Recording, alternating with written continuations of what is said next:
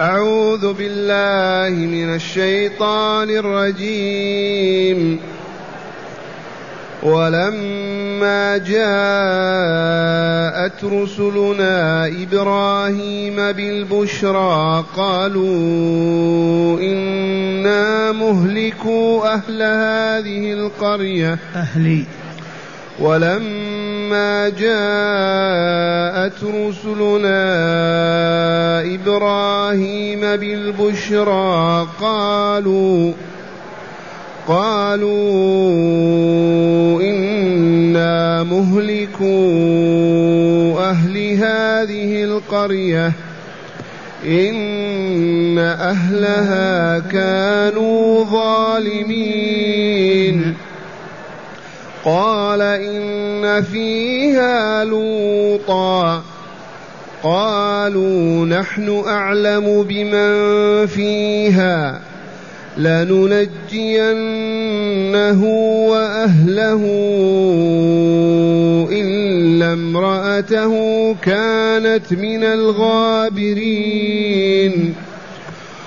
ولما أن جاءت رسلنا لوطا سيء بهم وضاق. سيء بهم وضاق بهم ذرعا وقالوا وقالوا لا تخف ولا تحزن. إنا منجوك وأهلك إلا امرأتك كانت من الغابرين. إنا منزلون على إنا منزلون على أهل هذه القرية رجزا من السماء. رجزا من السماء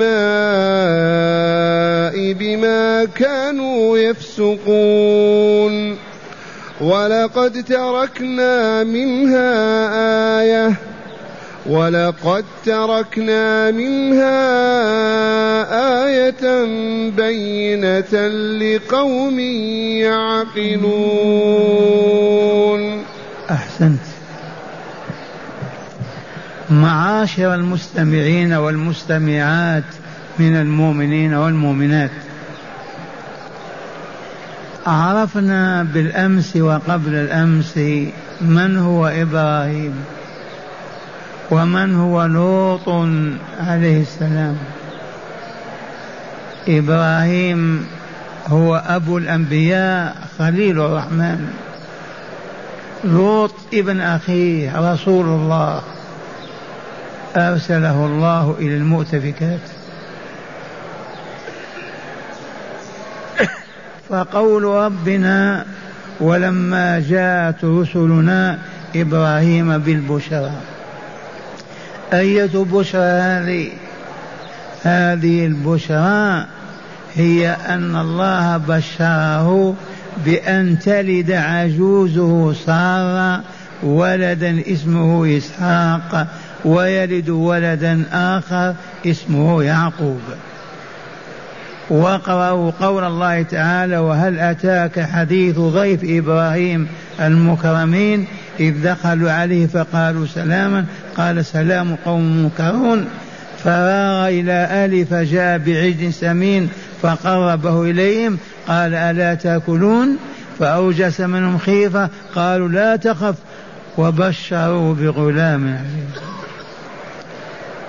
فأقبلت امرأته في صرة فسكت وجهها وقالت عجوز عقيم كيف ألد؟ في عمرها تسعين سنة وعقيم ما تلد. وهذا الوفد الذي نزل بإبراهيم ضيفا هم ملائكة الرحمن جبريل وميكائيل وإسرافيل. نزلوا عند إبراهيم بديار فلسطين لأنهم في طريقهم إلى المؤتفكات إلى ديار لوط لإهلاكهم وتدميرهم. قال تعالى ولما جاءت رسلنا إبراهيم بالبشرى بأن يرزق ولدا والولد يولد له ولد إسحاق ويعقوب. بشرى هذه وإلا لا؟ كان يدعو الله ويسأل الله أن يرزقه الولد فرزقه فاستبشر بذلك وانتشر النور في وجهه واستبشر خيرا بشرى. لما بشروه بالولد قالوا له إنا مهلكو أهل هذه القرية. قطعا سألهم لما أتيتم ماذا تريدون أيها الضيوف؟ قالوا جئنا لمهمة نريد تنفيذها. أين هي في المؤتفكات؟ تحت فلسطين أو مع فلسطين؟ إنا مهلكو أهل هذه القرية عرفتم ما اسم القرية هذه؟ ما ننساها. سدوم. سدوم. ومعنى قرية لا في الاصطلاح الجغرافي. الغربي الهابط اصطلاح القرآن واللغة العربية القرية المدينة الجامعة لكل الأشياء. أما قرية في الاصطلاح الجغرافي بلد صغير. والله يقول وقوله الحق ولقد أهلكنا لتنذر أم القرى ومن حولها. إنا مهلكوا أهل هذه القرية سدوم. لما عللوا ولو سألهم قطعا يسألهم لم تهلكون أهلها؟ قال إنهم كانوا ظالمين. فظلمهم هو الذي سبب هلاكهم ودمارهم وخزيهم وعارهم في الدنيا والآخرة. وما زال الظلم والله إلى الآن يمهل الله أصحابه وينتظرهم ثم ينزل نقمته وسخطه عليهم. لأنها سنن لا تتبدل. من أكل السم قتله من دخل في النار أحرقته. فمن ظلم وطغى واعتدى يمهل فترة من الزمن تطول وتقصر حسب تدبير الله ثم تنزل به نقمة الله عز وجل. وقد شاهدنا هذا بأعيننا. فاحذروا الظلم يا بني الإنسان. ما الظلم هذا يرحمكم الله؟ الظلم, الظلم في الاصطلاح اللغوي وضع الشيء في غير موضعه. الآن لو تتزحزح وتنام بيننا ظلمت لأن هذا المكان ما هو مكان نوم وضعت الشيء في غير موضعه. أليس كذلك؟ لو الآن تدخل أصبعيك وتقف وتأخذ تؤذن وضعت الأذان في وقته أو في غير وقته أنت ظالم. وضعت الشيء في غير موضعه. وهكذا وضع الشيء في غير موضعه هو الظلم. ويطلق على الشرك لأنها عبادة استحقها الله بأنه الخالق الرازق فصرفها إلى مخلوق من مخلوقات الله فكان واضعا للشيء في غير موضعه فكان الظلم. الظلم ظلمات في الدنيا والآخرة.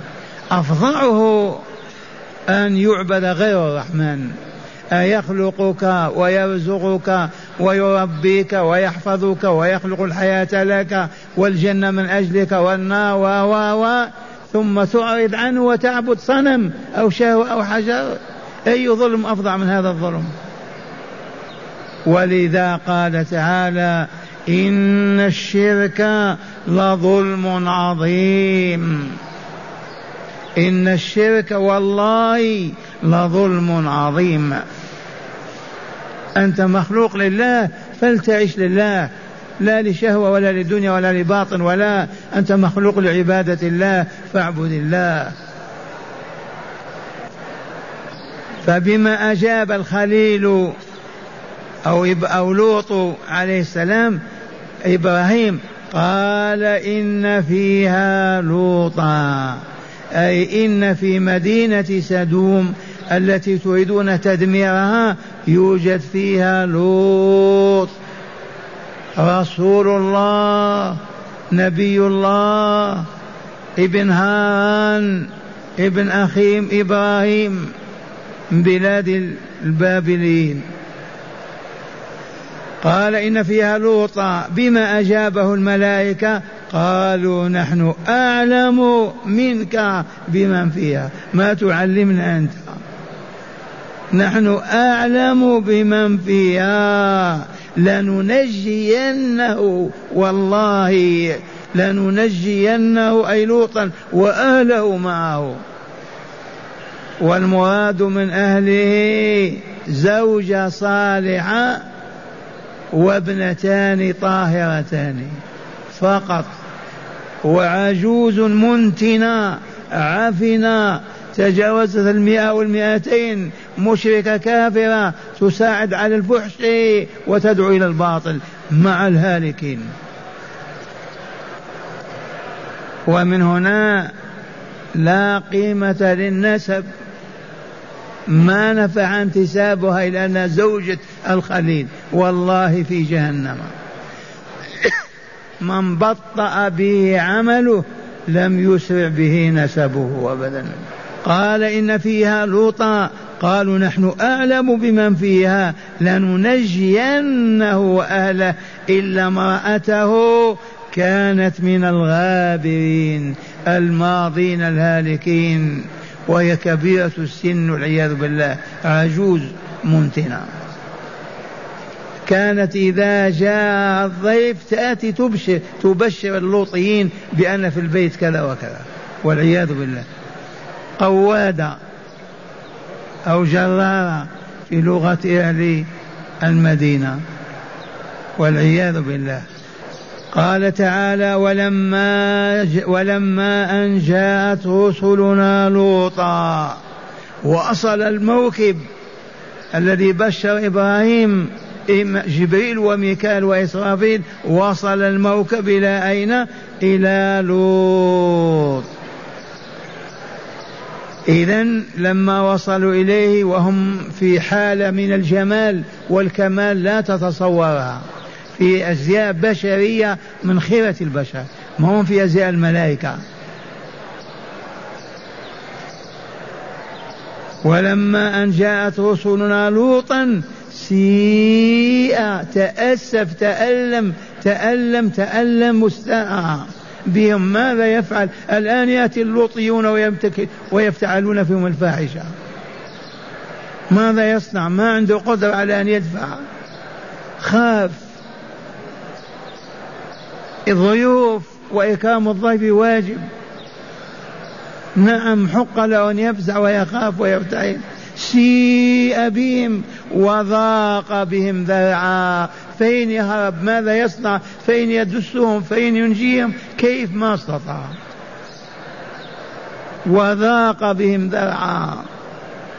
وقالوا لا تخف ولا تحزن.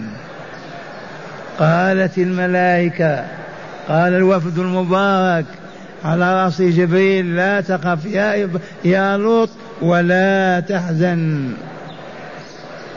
لا تخف عنا ولا تحزن بنا ابدا. لماذا؟ إنا منجوك وأهلك إلا امراتك كانت من الغابرين. عرفتم من هذه المرأة العجوز وإلا لا؟ أما مرته الصالحة وبنتاه أسرة كلها كالملائكة. نجاهم الله أجمعين. أمرهم أن يسيروا آخر الليل.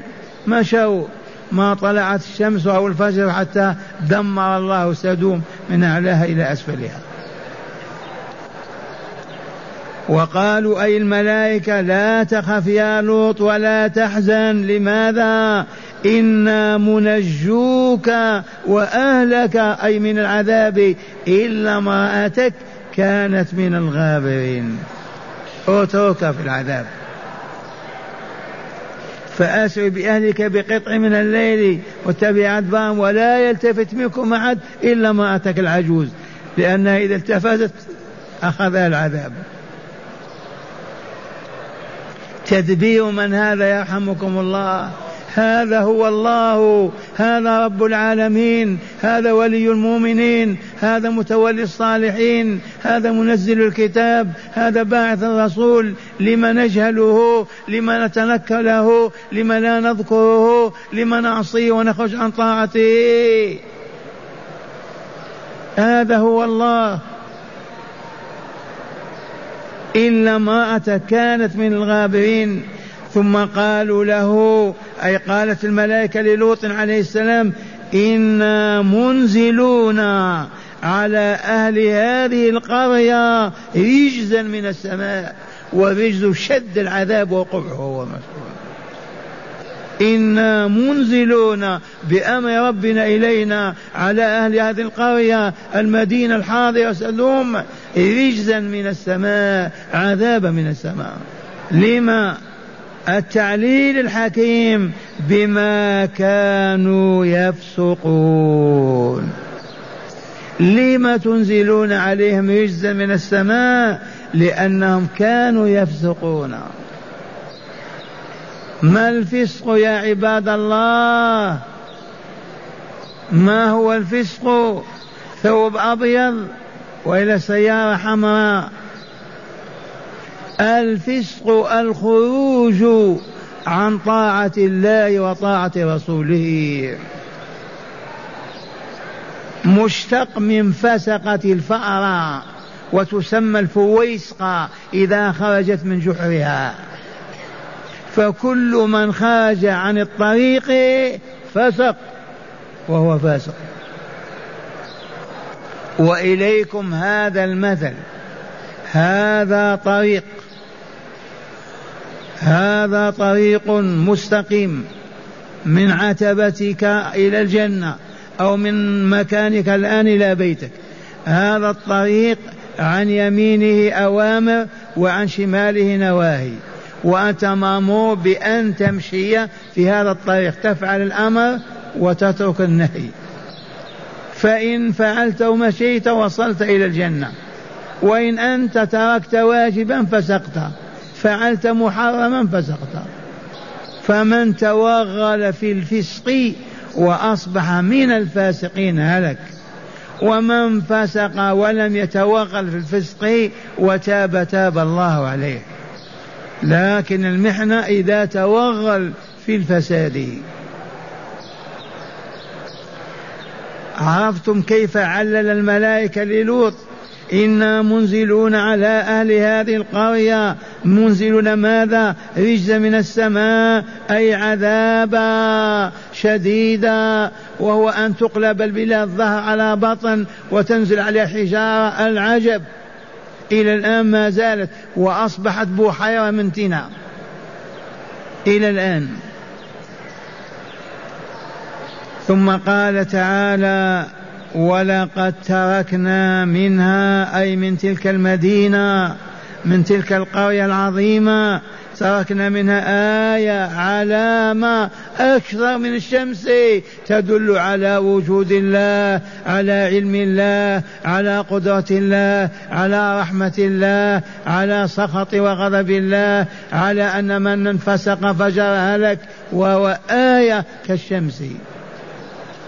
لو تقف على تلك المدينة تعرف أين أهلها؟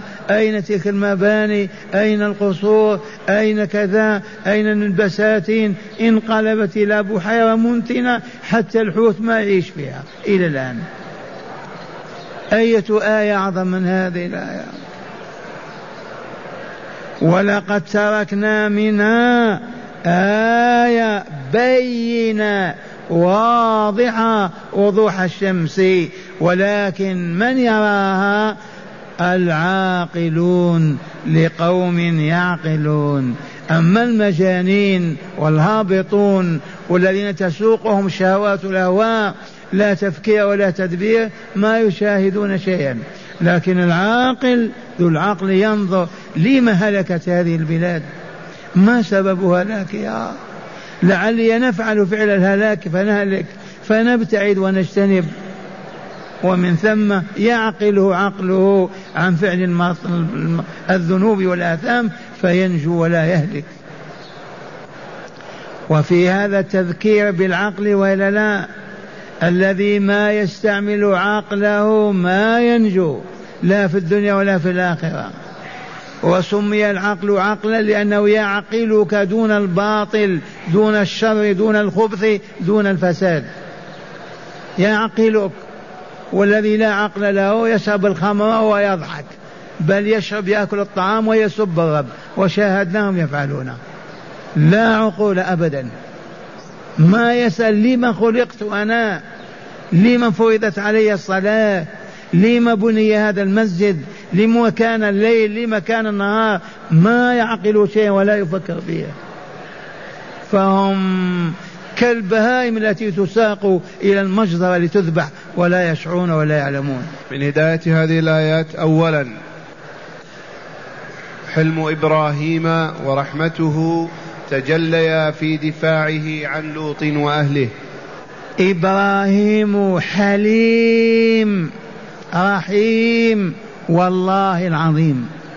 وسمي بإبراهيم بالأب الرحيم. تجلى حلمه ورحمته في أنه دافع عن قوم لوط وإلا لا؟ عن عن لوط.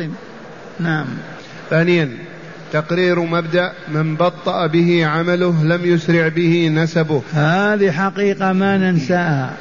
من بطأ به عمله لم يسرع به نسبه. ما معنى هذه الكلمة؟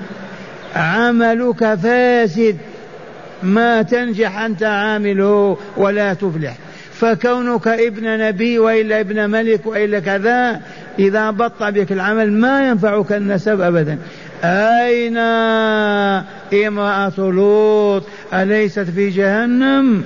أين والد إبراهيم آزر أليس في جهنم؟ أين والد رسول الله محمد؟ أليس في جهنم؟ أين ابن نوح كنعان أليس في جهنم من بطأ به عمله لم يسع به نسبه. كن إبن من شئت. العبرة بعملك صالح وإلا فاسد. ثالثا مشروعية الضيافة وتأكدها في الإسلام لحديث الصحيح من كان يؤمن بالله واليوم الآخر فليكرم ضيفه. هذا الواجب فرطنا فيه وأضعناه. من كان يؤمن بالله واليوم الآخر فليكرم ضيفه. إذا استضافك عبد وقال أنا ضيفك يا فلان الليلة أبيت عندك أو أطعمني أو اسقني وجب عليك أن تكرمه.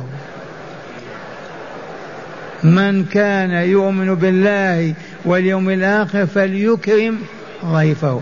وهذا إبراهيم ماذا فعل بضيفه؟ ذبح بقرة شواها مشوية. وقدمها بين يديهم وقال ألا تأكلون ضيافة وإلا لا؟ من أبو الضيفان لن؟ والله لإبراهيم وإنما من تدبير الله عز وجل وجدت المطاعم والمساكن في العالم قبل هذه الحضارة كنت لما تدخل القرية ما فيها مسكن تسكن فيه إلا عند واحد من أهل القرية.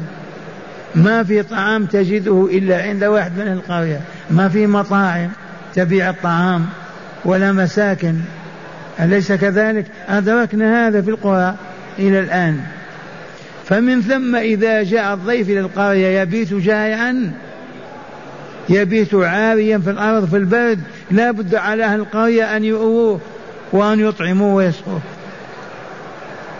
فلما انتشر هذا النوع من الحضارة خفت هذه.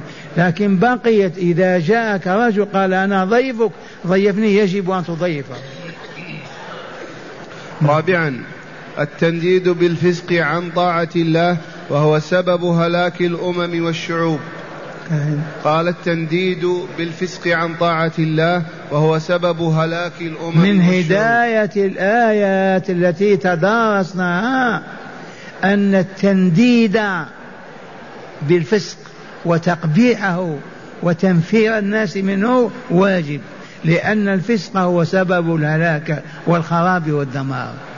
ما أهلك الله قوم لوط إلا لفسقهم والعياذ بالله. أخيرا فضيلة العقل إذا استعمله إذا استعمله صاحبه في التعرف إلى الحق والباطل والخير والشر. أخيرا فضيلة العقل فسرت لكم العقل تعرفون العقال وإلا لا؟ أو عقال على رأسه يعقل له عمامته حتى لا يعبث بها الريح يعقل بها جمله أو فرسه حتى لا يذهب فالعقل آلة باطنية في القلب تعقل صاحبها عن السوء عن الشر والفساد عن الخبث والفسق والبلاد تعقله فهي آلة العقل. وهي قوى باطنية في القلب على شرط أن يحافظ عليها صاحبها. ما يصب عليها أطنان الذنوب والآثام فتفسد وتخرب وتصبح ترى القبيح حسنة والحسنة قبيح والعياذ بالله.